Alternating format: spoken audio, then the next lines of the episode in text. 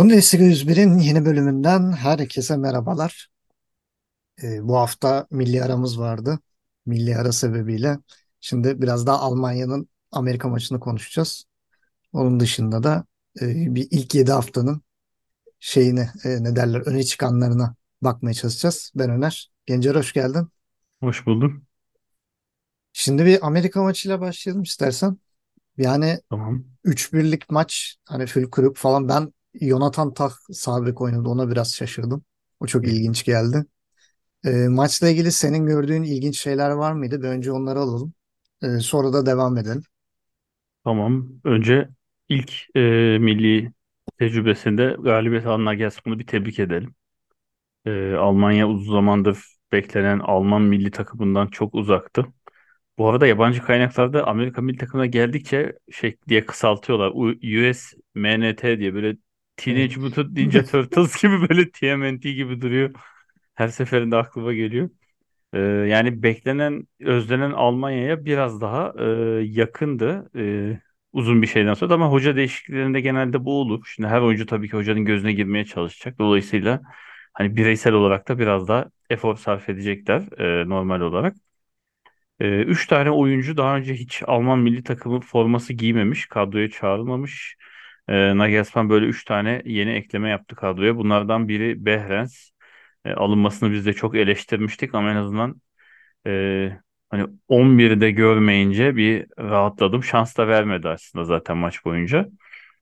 Ee, bir diğeri Andri. Yani Leverkusen yıllardır Andri güzellemesi yaparak böyle sosyal medya üzerinden en iyi oyuncularıymış gibi e, çok ön plana itiyor ama e, şimdiye kadar milli takıma gitmediğine ama açıkçası ben de e, şaşırdım. Hani yalan olmasın. Bir diğeri de Führy. O da bu sezon zaten iyi oynuyor. Bence hak etmişti. E, eski oyuncularından pek çoğunu çağırdı zaten. Kadroya bakınca e, açıkçası uzun zaman sonra diyemeyeceğim. Alman milli takımı da hani İngilizler hep şeyle övünüyor. İngiliz milli takımına bakıyorsun. Hepsi Premier Lig'de oynuyor böyle. Dışarı oyuncu vermiyoruz, takım vermiyoruz şeklinde. Alman milli takımda da bir Ter Stegen. O da Neuer'in yokluğunda zaten as oyuncu değil aslında. E, dışarıda oynayan oyuncu. Bir Rüdiger, bir de Gross. Üç tane yani sekiz tanesi e, Bundesliga'da oynayan oyuncu e, şeklinde sahaya çıktılar. E, ve bence istediğini aldılar. Sonuçta bu şeye e, ev sahipliği yapacak Almanya. Onlara da iyi bir başlangıç oldu. Ee, herhangi bir puan bir şey getirmiyor prestij dışında maç ama bence oyuncuların güvenini kazanması açısından çok iyiydi. Yani maç böyle bir galibiyete ihtiyaçları vardı ki e, maçtan önce Amerika milli takımını küçümseyenler oldu. Ee, hani ne var ki orada hani Alman milli takımı Alman basını bile yer yer böyle hani artık yenmeliyiz bunu da kazanalım bari şeklinde açıklamalar e, yazılı köşe yazılarında gördüm. E, ama izlediğimiz zaman mesela Pulisic çok iyi oynadı. Zaten e, Alman milli takımını şey Alman oyuncuları Acayip tanıyan gol o attı zaten. tabii tabii çok iyi gol attı. İki tane attı aslında ki ilk pozisyonda Taha yetişemedi. Şimdi Taha ayrıca parantez açacağım. E, Hummels de bence offside'ı bozuyordu. Offside diye verilmedi ama e, düzgün bir açıyla gösterilmedi. Bence Hummels offside'ı bozuyordu. Evet. yani Pulisic dışında takımda Reyna, Scully gibi hani Almanya'da oynamış ya da oynamaya devam eden oyuncular var. Yani dolayısıyla bu hatta rakip takımda Alman milli takımdakilerle takım arkadaşlığı yapmış oyuncular var. E, dolayısıyla rakibi tanıyorlardı. E, bence iyi de mücadele ettiler hazırlık maçı olmasına rağmen. Ama Almanya istediğini aldı. E, şimdi önlerinde bir de Meksika e, şeyi olacak. E, nedir o? Bir hazırlık karşılaşması daha olacak. Onu da Meksika ile yapacaklar. E, bence yani güzel. Böyle çok üstten açmak yerine e, biraz daha orta seviye ve dediğim gibi oyuncuların özgüvenini kazanması gerekiyor. E, bunu sağladıkları bir maç oldu. De e, Kimmich kamptan ayrılmış. E, Evet. grip Soğuk algınlığı varmış. Evet. soğuk algınlığı sebebiyle. E, onu da söyleyelim. İkinci maçta da Goretzka'da muhtemelen. olmayınca Gross. E, ya, e, Pascal Gross zaten e, Brighton'da çok öne çıkan bir oyuncu. Yani Brighton ana e, planının parçası olan çok önemli bir oyuncu. Hani bekte oynayabiliyor, ön libero oynuyor. Orta sahanın daha ön kısmında oynayabiliyor. Yani şeyi aklıma getiriyor biraz. Eskiden e, Dortmund'da Grosskreutz böyleydi. Sağ bek oynuyordu, ön libero oynuyordu, kanat oynatıyorlardı. Yani bir şekilde görevini yerine getiriyor. Pascal Gross'un senelerdir alınmamasının sebebini ben çok anlamıyordum. Yani kesinlikle çok rahat iş yapabilecek bir oyuncu. Hani belki sağ bekte bile denenebilir. Mesela Tah'ın denenmesi bence maçta çok büyük problem yaratmış. Çünkü Amerika, Amerika'nın sol kanadında Pulisic oynuyor. Ya Tah'ın o kadar çok arkasına kaçtı ki. Bu arada Tah'a da yavaş diyemiyorum artık. Şu an Bundesliga en hızlı koşan 5 oyuncu arasında beşinci depar Hı Tah'a hı. Tah'ın elinde. Onun hala şokunu yaşıyorum. Bugün Bundesliga'nın kendi e, Instagram sayfasında paylaşılmıştı. Hani Alphonso Davies, işte Jeremy Frimpong, Leroy Sané bunlarla aynı e, kategoride bulunması bile çok ilginç Tah'ın. E, onun da şokunu hala yaşıyorum ama yani Almanya'nın bence biraz e, şeyi düşünmesi lazım. Yani Nagelsmann ya elimde bayağı bir stoper var. Ben üçlü mü oynasam niye bir artık bir kafayı toparlaması lazım. Çünkü hani e, Gosens var. E, Raum var. Bunların ikisi de kanat bekte daha çok iş yapan oyuncular. Hani bunlarla dört, dörtlü savunma denemek çok mantıklı değil. He, Henriks de evet bek ama kanat beki de oynayabiliyor. Yani ben sanki bir üç dört üç çok daha makul olurmuş gibi e, bana geliyor. Ben de olsam yani açıkçası en ileri Fülkür'ü koyar. İşte soluna Wirtz, sağına da Sané'yi koyarım. Şu an form durumlarına bakarak söylüyorum. E, elimde de bir koz olarak Hoffman'ı tutarım. Mesela kenarda. Musiala'yı bilmiyorum. Orta sahada şimdi 3-4-3 olduğu için Musiala bu sefer yedek kalacak muhtemelen. Hani ortada işte Gross İlkay veya işte Kimmich İlkay ya da o kadar çok aslında şey var ki yani combo yapabileceği orta saha var ki artık. Yani şimdi şu an için söylemiyorum da Euro 2024 için ya orta sahanın ortasında oynatabileceği Kimmich'i var, Goretzka'sı var. İşte Pascal Gross'u var, İlkay Gündoğan'ı var. E, Musiala oynayabiliyor 8 numara. Yani elinde çok rahat kullanabileceği oyuncular var. İleri için de kanat forvet ciddi anlamda bolluk var. Hani Wirtz olsun, Hoffman olsun, Sané olsun. Daha sakat bir Gnabry var. Hani Euro 2024 için o da dönecek. E, Fury formda bakalım ne kadar devam ettirecek. O da bir e, merak söz konusu. E, diğer taraftan da hep böyle bir 9 numara probleminden bahsediyor. Mesela Behrens çağrıldı ama ya ben şahsen Behrens yerine e, Dux'un çağrılmasının daha makul olacağını düşünüyorum. Bir kere Behrens ilk iki maçta 3 gol attı. Sonra bir daha hiç piyasada yok yani. 4 4 gol. attı diye Ha. hatırlıyorum. İlk iki haftada 4 gol attı. Bir daha hiç piyasada yok. Hani Dux gene ara ara atıyor ve hani Fülkruk'la gene biraz şeyli bir bağlantısı olan bir oyuncu yani. Hani beraber oynadılar.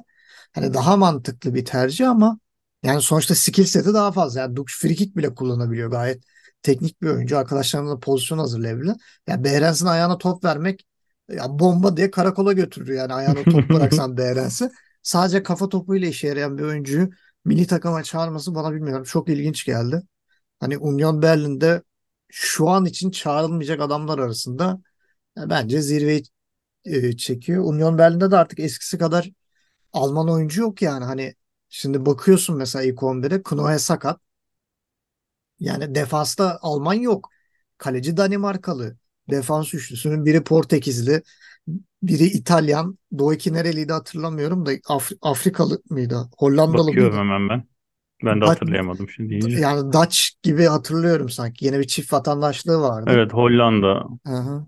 Yani diye Hollanda geçiyor evet. resmi. Hollanda Surinam gibi bir şey olabilir. E, Drenthe gibi bir durum Kesinlikle Hollanda. Surinam'mış evet. Değil mi? Aynen iyi tahmin. Yani orta sahada mesela solda Gosens var. Sağda Juronovic var. E Juronovic Hırvat. E, ortada oynatıyorsun. Tusar, Kral bunlar hep yabancı oyuncular. E, ileride de mesela e, şey Beker Afrikalı Afrika kökenli bir oyuncu. Bir tek geriye Behrens kalıyor. Yani resmen Gosens'le ikisi böyle hani ayıp olmasın diye çağrıldı. Geçen sene Union Berlin uçarken hiçbir Alman oyuncusunu çağırmadınız. Şimdi yerin dibine geçti neredeyse Union Berlin. Çağrılıyor. O da bana biraz ilginç geliyor. Ee, Bugün değişik bir haber gördüm. Yani doğruluğundan emin değilim yani. Hani sonuçta sözleşmesini kim gördü de detayı da nereden buldunuz, nereden öğrendiniz? Ee, şeyin Xabi Alonso'nun teklif gelmesi halinde e, parasız çıkış yapabilmesi için bir madde varmış. Bu takımlarda Bayern, Liverpool ve Real Madrid diyorlar. Yani buralardan teklif geldiği takdirde hani Leverkusen izin vermek zorunda gibi bir e, madde koydurduğu söyleniyor ama bana da çok makul gelmiyor. Yani şundan dolayı makul gelmiyor. Ya abi sen iyi hocanı niye bedava bırakmak zorunda kalasın?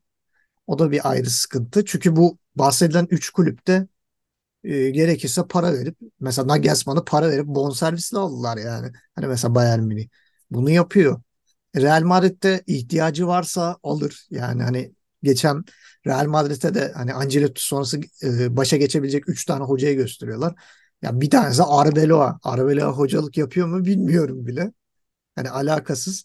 Diğer oyuncunun şimdi ismini unuttum. O da yani bir teknik direktör tecrübesi olmayan biri ve Xabi Alonso yani hani burada en olası Xabi Alonso gözüküyor. Ama yani hani e, ben Leverkusen'in böyle bir madde koydurmuş olacağını çok e, açıkçası aklım yatmıyor. Yani e, tamam sözleşme uzatmak için hani öyle şey yaparsın da ya abi öyle olduktan sonra zaten önümüzdeki sezon sonu zaten Real Madrid kapını çalacak. Yani sezon sonu zaten kaybedeceksin adamı. E o zaman sözleşmesi bitene kadar kalsın. Yani hani ilk sözleşmede böyle bir madde yoksa. E, o da biraz ilginç geldi. Leverkusen'den bahsetmişken hani e, bu ayın da e, rookie'si yani Çayla Boniface seçildi. E, şeyde de biraz ayıp edildiğini düşünüyorum. E, ayın golünde bence yani nispeten bence daha vasat bir gol seçtiler. Yani çok daha güzel goller vardı. Yine E, Beste'nin golü. yok Beste'nin yani Beste'nin golünü seçmediler. Yok hani dedik ya iki ay üst üste seçilebilir. Yine öyle Ha, efsane bir golü evet. da seçmediler. Ya onu bıraktım. Grealish'in çok acayip falsoyla soktuğu bir orta sahadan golü vardı. Ee, şeyin Grimaldo'nun harika frikik golü vardı Bayern Münih'e. E, Beste zaten gene frikikten attı falan. Bana göre bir tık daha zayıf bir gol seçtiler. Ee, o da biraz can sıktı. Ee, şeyden de bahsedeyim. Adeyemi de açıklama yapmış. Evet iyi oynamıyorum. İşte böyle dönemler olabilir bilmem ne falan. Ben de buradan kendisine diyorum ki eğer duyuyorsa top oyna kardeşim konuşma. Önce top oyna sonra konuş.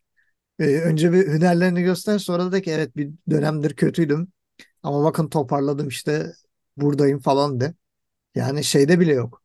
Ee, Bundesliga hız rekorunu kırmışsın.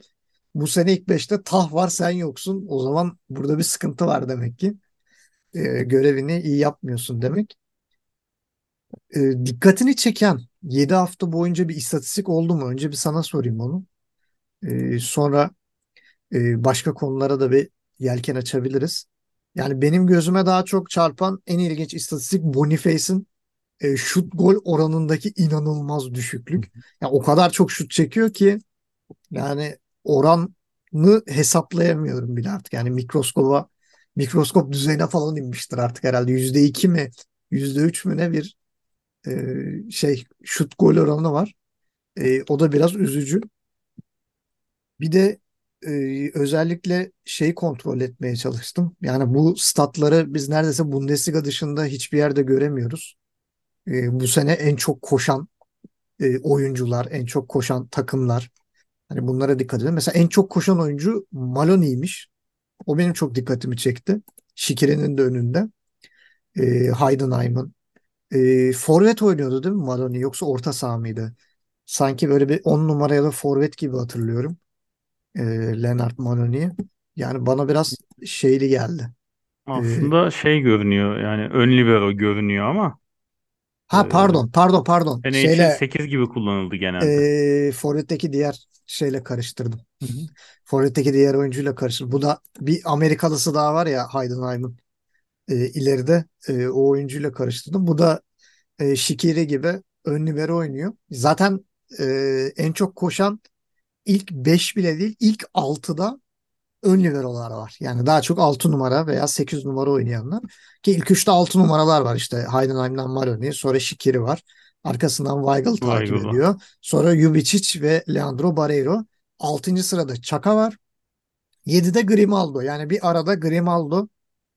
Bir de ilk ona baktığın zaman e, Mehle var bek. Bir de 10. sırada Hoffman. Yani burada biraz şey de e, dikkat çekiyor. Hani bazı çok koşan oyuncuların 90 dakika oynamamaları, işte yorulduğu için 70'te 75'te çıkarılmaları bunlar da biraz etkiliyor. Ya, tabii maç başına vurduğun zaman e, çok daha farklı olacaktır ama yani bana Maloney'nin olması e, biraz bana şaşırtıcı geldi. E, en fazla sprint atan oyuncu da e, Frimpong. Etkili koşularda geç gelmesine gel- rağmen Lauro Mayer var Evet. zirvede. O çok şaşırtıcı. E, en fazla kart gören oyuncu da e, senin adamın Itakura. E, bu sene de şey çok dikkat çekici. E, kafa topu kazanan oyuncularda Zirvede iki tane Bohumlu var. Ordes ve Hoffman. Hoffman zaten 1.95 iri yarı bir oyuncu. İkili Normal mücadeleye de ikili mücadele de var. Gene iki evet. boğumlu. Evet orada da iki boğum var. Gene orada Ordes yani bu sene böyle uçanı kaçanı derler ya. Kavgaya Ee, gelmiş. aynen orayı ayarlıyor. Orada da bir numarada Bernardo var.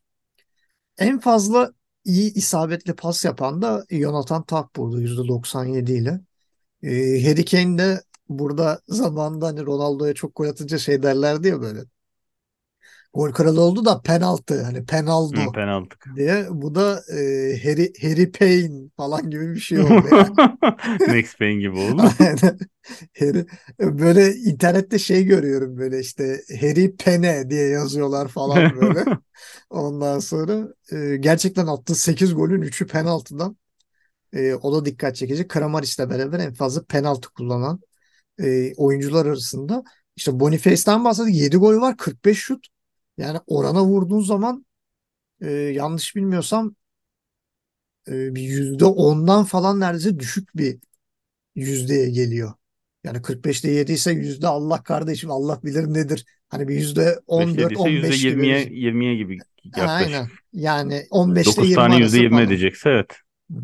Yani muhtemelen %15. 15 ile 20 arası bir e, gol oranı var. Çok düşük. Yani bilmiyorum niye bu kadar çok şut çekiyor. Onu da anlamak güç. Çünkü Girassi 29 şutta 13 gol buldu. Yani neredeyse %50'ye yaklaşan bir %48 gibi bir e, şut gol isabeti var burada. E, Frih de Girassi sağ olsun asist krallığında zirvede 5 asistle. Burada en istikrarlı Harry Kane. İkinci sırada hem golde 8 gol 4 de asisti var. Sene başındaki programda seninle şeyi konuşmuştuk. İşte Harry Kane'in işte e, bu Tottenham'dan geldiği zaman hani sadece bir golcü değil. İşte mesela sonuna beraber birbirlerine yaptıkları asistler, goller falan. E, Kane de bayağı yanlış bilmiyorsam çoğu asistini Sané'ye yaptı. Yani Sané'ye servisleriyle Doğrudur. e, asiste çevirdi. Ben çünkü öyle hatırlıyorum. E, şu an Harry Kane'le birlikte Sané bayağı gol yükünü çekiyorlar. 6 golü vardı Sané'nin de. E, 8 gol Harry Kane. ikisi beraber toplamda 14 gol atmışlar. Yani 7 haftayı düşünürsen maç başı 2 gol atıyorlar birlikte bu ikili. E, böylece Sané'yi de e, forma sokmuş oldu. E, Kane'in sayesinde Sané de for, e, şeyini kontratını uzatma şansına erişti. Şimdi o da Bayern Münih'le e, görüşme halinde kontrat uzatmak için. Ee, bir eklemek istediğin şeyler var mı? Hani bir istatistik manasında dikkatini çeken ilginç bir şey. Ee, şimdi önce şeyi söyleyeyim tekrar milli şeyden çıktık ama e, İlkay Gündoğan'ı çok övdü Nagelsmann. Evet, Yani onun oyun şeyi enerjisi çılgınlık seviyesinde e, gibi açıklama yapmış. Az önce Arbeloa deyince özellikle baktım Real Madrid U19'u çalıştırıyormuş. Henüz 10 maçın baş, 10 maç takım başında çıkabilmiş. E, 2.50 gibi de bir puan ortalaması var ama Real Madrid'den söz ediyoruz. Bayern Münih'te sakatlar bu sezon çok. O açıkçası başta ilgimi çekiyor ki şimdi dediğim gibi Kimmih'in de bu maç olmamasından sonra biliyorsun milli ara sonrası Galatasaray oynayacak Bayern Münih'le. Böyle yerli basında o çok iyi Münih revire döndü işte falan. Gnabry yok, Kimmih yok, De Ligt yok, Upamecano yok, Neuer daha hazır değil gibi övgüler yapılıyor. E, burada şeye dikkat etmesi lazım Münih'in. Yani rakipleri önemli değil de neden bu kadar sakatlık oluyor? Yani normal mi? Mesela geçen sene ç- Nagelsmann çok varken böyle az yani stoper var elinde. Ya kadro şeyine birkaç yıldır zaten Boateng gittiğinden beri parmak basıyoruz. Buraya ciddi oyuncular alınmalı diye savunma açığına ki geçen sene yani şampiyonluğu o kadar geride kalınması son haftaya kadar e, kafa kafaya oynanmasının sebebi savunma açığıydı. Çok gol yemesiydi. E, çünkü yani 3 yiyip 3 attığı maçlar oldu. E, ama hani bu kadar sakatlık olmuyordu. Mesela Nagelsmann'da da olmuyordu. Flick'te de olmuyordu. Ha, ciddi darbeye bağlı sakatlıklar oluyordu. Ama hani baktığın zaman ciddi anlamda antrenmandan dolayı da hani şey var. Demek ki antrenman yöntemleri sıkıntılı mı Tuhel'in? Bunun bir sorgulanması lazım. Çünkü gerçekten çok fazla eksik var ve çok uzun süreli eksikler. Böyle bu hafta kaçırdı sonra geldi gibi bir durum da yok. E, o ilgimi çekiyor. E, onun dışında kesinlikle zaten yani Girassi çok ön plana çıktı bu sezon. Yani gol istatistiği aslında en şeyi. Geçen sene 16 golle kral olunmuşken daha 7 haftada 13 gol. uçan bir Girassi var yani. Geçen sene de iyiydi. Ben böyle Kolo Muani'den sonra yazacağım ikinci forvetti ama çok göz önüne çıkmıyordu. Ee, e tabii o kadar gol atınca Führi'nin de asist kralı olması hani bu durumda 5 asistle hepsini Girassi yaptı diye biliyorum ben. Evet. Ee, çünkü ilk dördünü ona yaptı da beşinciden emin değilim. Ee, o da böylece Alman milli takımına atmış oldu kendini. Ee, onun dışında e, Taha hızlı dedin e, Bundesliga şeyinde. Ya şimdi şöyle hızı ikiye ayırmak lazım. Bir gerçekten hani top speed dedikleri en yüksek çıkabildiğin hız. Ya bir de çabuk hızlanma. Yani sonuçta Tabii hani, canım top speed'e tabii bakıyoruz top speed e, tabii ona bakıyoruz ama hani 4000 metre koşmuyorsan onun çok bir önemi yok. Sonuçta 30 metre gibi bir yere kovalıyorsun. İlk 30 metreyi kaç saniyede koşuyor ona bakmak lazım. Çünkü mesela milli maçta da ta dediğim gibi çoğu pozisyonda geride kaldı. İnanılmaz yetişemedi. Hatta yani Hummels pres yaptı. Pulisic Hummels'i de çalmadı. Ta hala geliyordu. Yani kademeye de yetişemedi. Ee, dolayısıyla o istatistikler biraz kandırıcı olabiliyor. Ee, Ordes evet dediğin gibi hem ikili mücadele yerde havada Ee, yani şey demek istemiyorum ama Ukraynalı bir oyuncu. O da hani sonuçta ülkesinin durumu şey belli. Hani derler ya biraz ekmek aslanın ağzında gibi bir durum var. Ee, tabii psikolojik durumunu bilemeyiz. Bu savaştan mutlaka etkileniyordur ailesi falan. Kendini ama tamamen futbola verebilmesi böyle bir durumda takdire şayan. Ee, Raum'un açık oyundan bu kadar orta yapıp bu istatistikte çok önde olup yani normalde yaptığı asist sayılarına göre çok geride kalması bana ilginç geliyor. Raum normalde e, Leipzig'e gelmeden önce Hoffenheim'de inanılmaz asist yapıyordu. Müthiş bir sezon çıkardı. Hatta sezonun 11'ine biz seçtik. Yabancı basın seçti. Milli takıma yükseldi. E, ama Leipzig'e gittikten sonra bu kısım düşüşte. E, onu bir sorgulamak lazım. Yani Roma kötü mü oynuyor? Hayır. Ama asist sayısı niye bu kadar düştü? Ben tamamen şuna bağlıyorum. Hoffenheim 3-5-2 oynuyordu. Kanat bek oynuyordu. Daha rahat oynuyordu. Şimdi tamamen bek oynatıyorlar. Yani savunma ağırlıklı.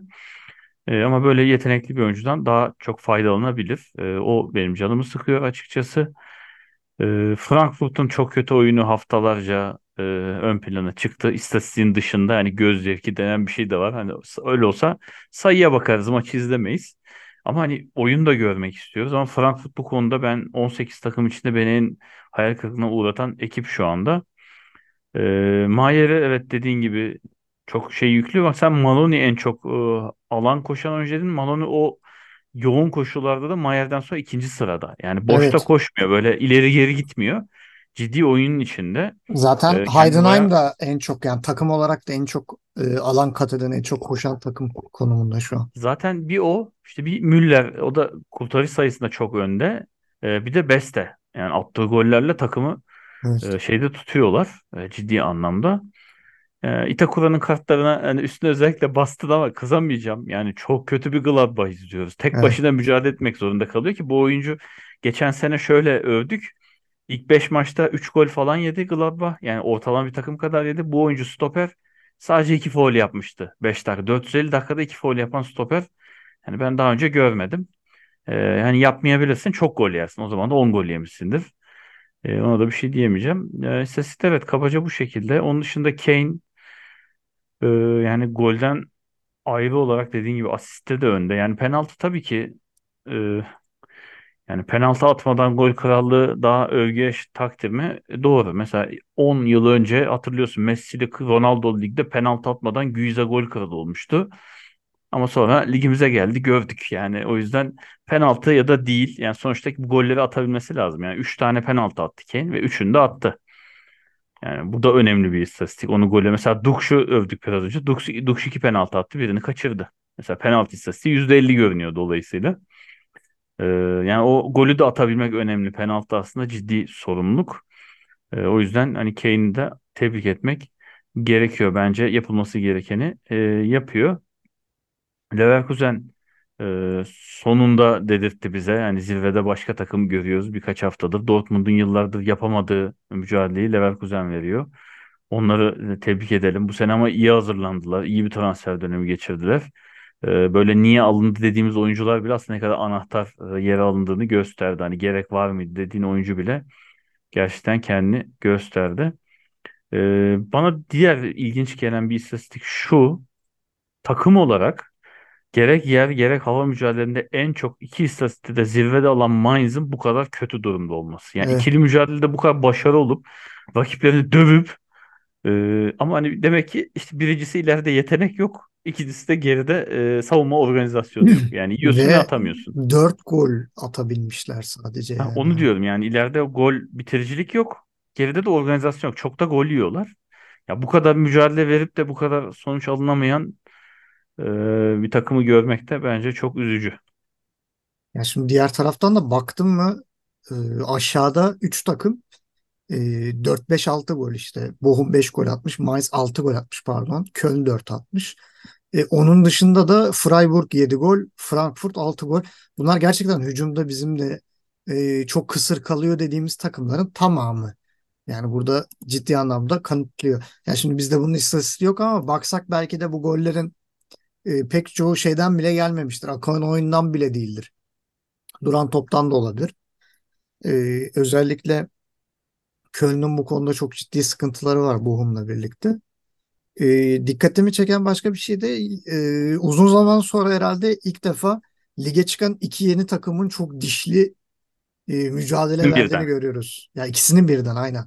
Normalde mesela bundan önce Bochum'u görmüştük. Mesela Bochum çıkar çıkmaz bir fırlamıştı ama Fürth aşağıda Ama Fürth, kalmıştı. Fürth Schalke çok aşağıda kötüydü. kalmıştı. Schalke çıktı, düştü, çıktı, düştü hep kötüydü.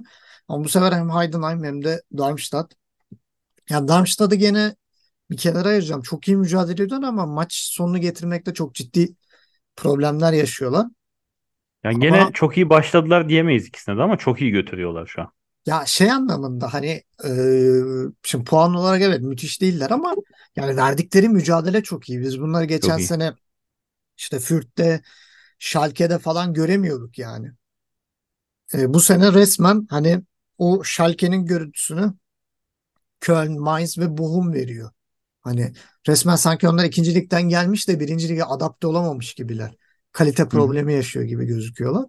E, ben özellikle yani burada e, Heidenheim'a ayırıyorum çünkü Heidenheim gerçekten çok iyi mücadele ediyor. E, çok güzel daha e, böyle harmonik bir şekilde oynuyorlar. Daha uyumlu oynuyorlar. Darmstadt'ta özellikle ilk yarıları çok iyi oynuyor. Yani mutlaka gol buluyor. Mutlaka öne geçiyor ama skor koruyamıyor. Özellikle dakika 70'ten sonra skor koruma konusunda e, ciddi sıkıntıları var. Hatta yani o maçları da kazansa muhtemelen 7 puanı değil de 13-14 puanı falan olurdu. E, bir tane eksiği oldu. maçı aynen 3-0'dan 3-3'e getirip e, şey olduğu maç oldu. E, 3-1'den 4-3 mü ne kaybettiği maç olmuştu galiba ya da 2-0'dan 3-2 böyle bir e, geriden gelip kazanan olmuştu Darmstadt karşısında. Onlar da böyle çok gol atan, çok gol yiyen e, takımlar arasında. En azından maçlarını izledim mi keyif veriyor. E, benim için önemli olan o. Yani bana keyif versin yeter. Çünkü şu an Frankfurt, Köln, Mainz, Bochum bunların maçlarını izlemek e, benim tansiyonuma iyi gelmiyor. Tansiyonum da yok bu arada. Ona rağmen e, bunu ekleyelim. E, başka zaten istatistikler arasında çok dikkat çekici bir şey yok. E, Leverkusen'de zaten söyledim. Çoğu Bayern Münih'in zirveyi çektiği istatistikte de en yakın takipçisi Leverkusen. E, bunun dışında Bayern Münih'i geçtiği tek istatistikte e, açık oyunda yaptıkları pas yani isabetli pası %89.9 %0.3 Bayern Münih'in önündeler. Yani bu konuda iyiler. Sezon sonuna kadar götürebilecekler mi? Özellikle şeyden bahsediliyor işte 7 hafta evet çok iyiydi ama sakatlıklar olmaya başlayınca Leverkusen ne kadar e, şey yapabilecek, e, aynı yönde kalabilecek. Onu da zamanla göreceğiz. E, bunun dışında şeyden de kısaca bir bahsedelim. Ondan sonra e, kapatalım.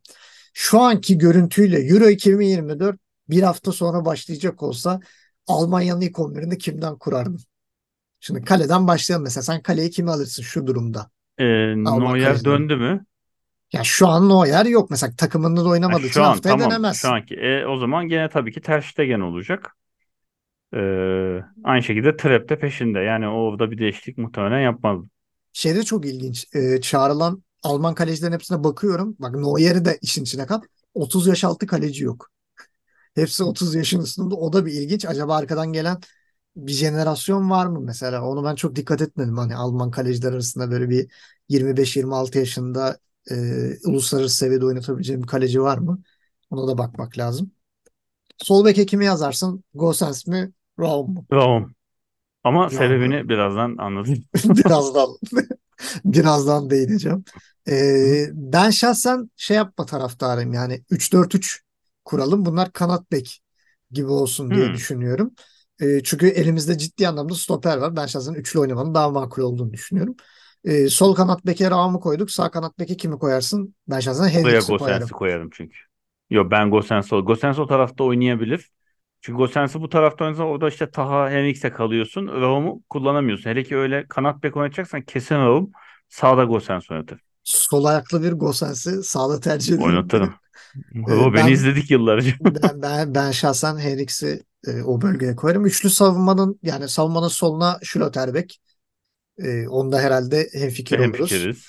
E, ortasına e, düşündüğüm zaman ben Tah'ı koyarım mesela ortasına.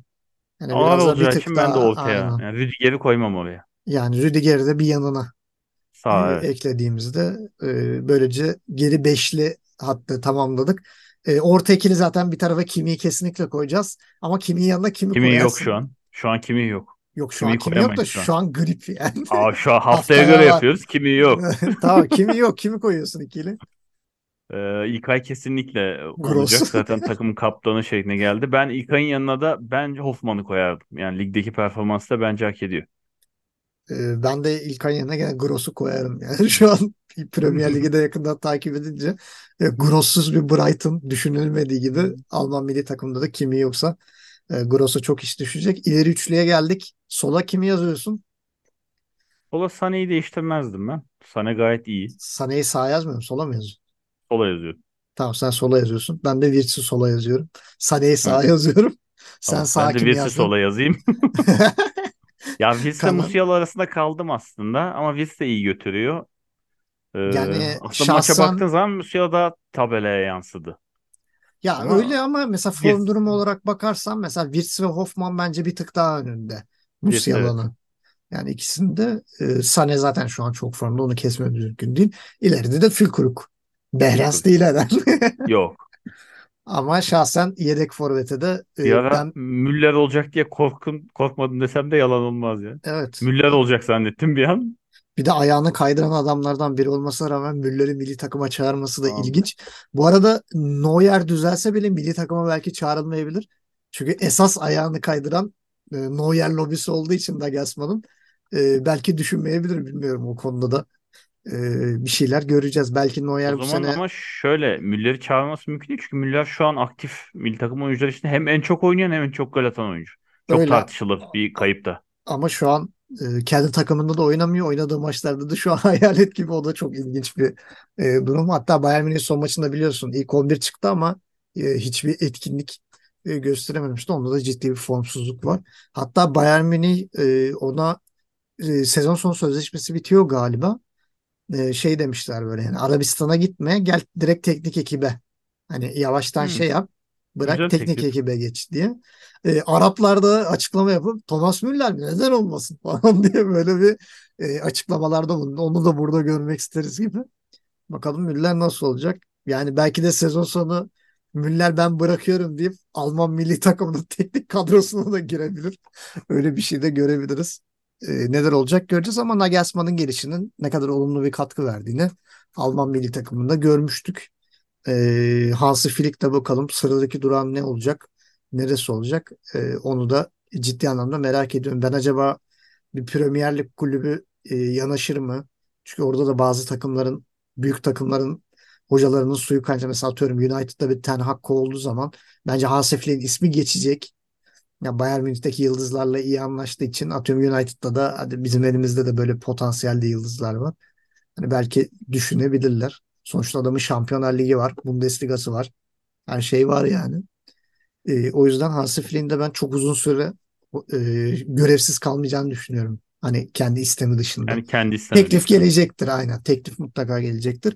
E, Glasner hocam da ne yapıyor şu an bilmiyorum. Mojito mu içiyor bir yerde e, takılıyor mu ama ona da mutlaka bir yerlerden Hmm. e, teklifler gelecektir. Umarım Güzel. tekrar Bundesliga'da e, görürüz. Ben biraz şeyi de düşünüyordum. Acaba hani sezon sonu şampiyon yapıp e, Xabi Alonso giderse Leverkusen'den belki Leverkusen yerini düşünüyor olabilir. E, bu seviyede bulabileceği e, Bana en iyi hocalardan biri gibi geliyor.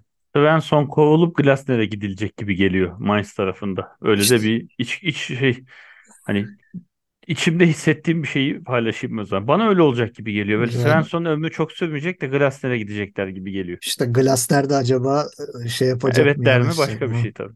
Yani bir de şimdi Baumgart da çok sevdiğimiz bir hoca ama Köln'ün kötü gidişi onun da e, yavaştan ipini çekebilir. Ne olacak göreceğiz. Şimdilik milli aradan bu kadar. Milli arayı biraz dedikoduyla geçirmiş olduk böylece. Haftaya tekrar maçlarla e, karşınızda olacağız. Gencer'cim çok teşekkür ediyorum. Rica ederim. E, ikinci milli aramızı da böyle geçirdik. Artık Kasım'da üçüncü bir milli aramız var. O zamana kadar yeni dedikodular bulup bu programda konuşuruz. E, o zamana kadar bizden bu kadar. Kendinize çok iyi bakın. Tekrar görüşmek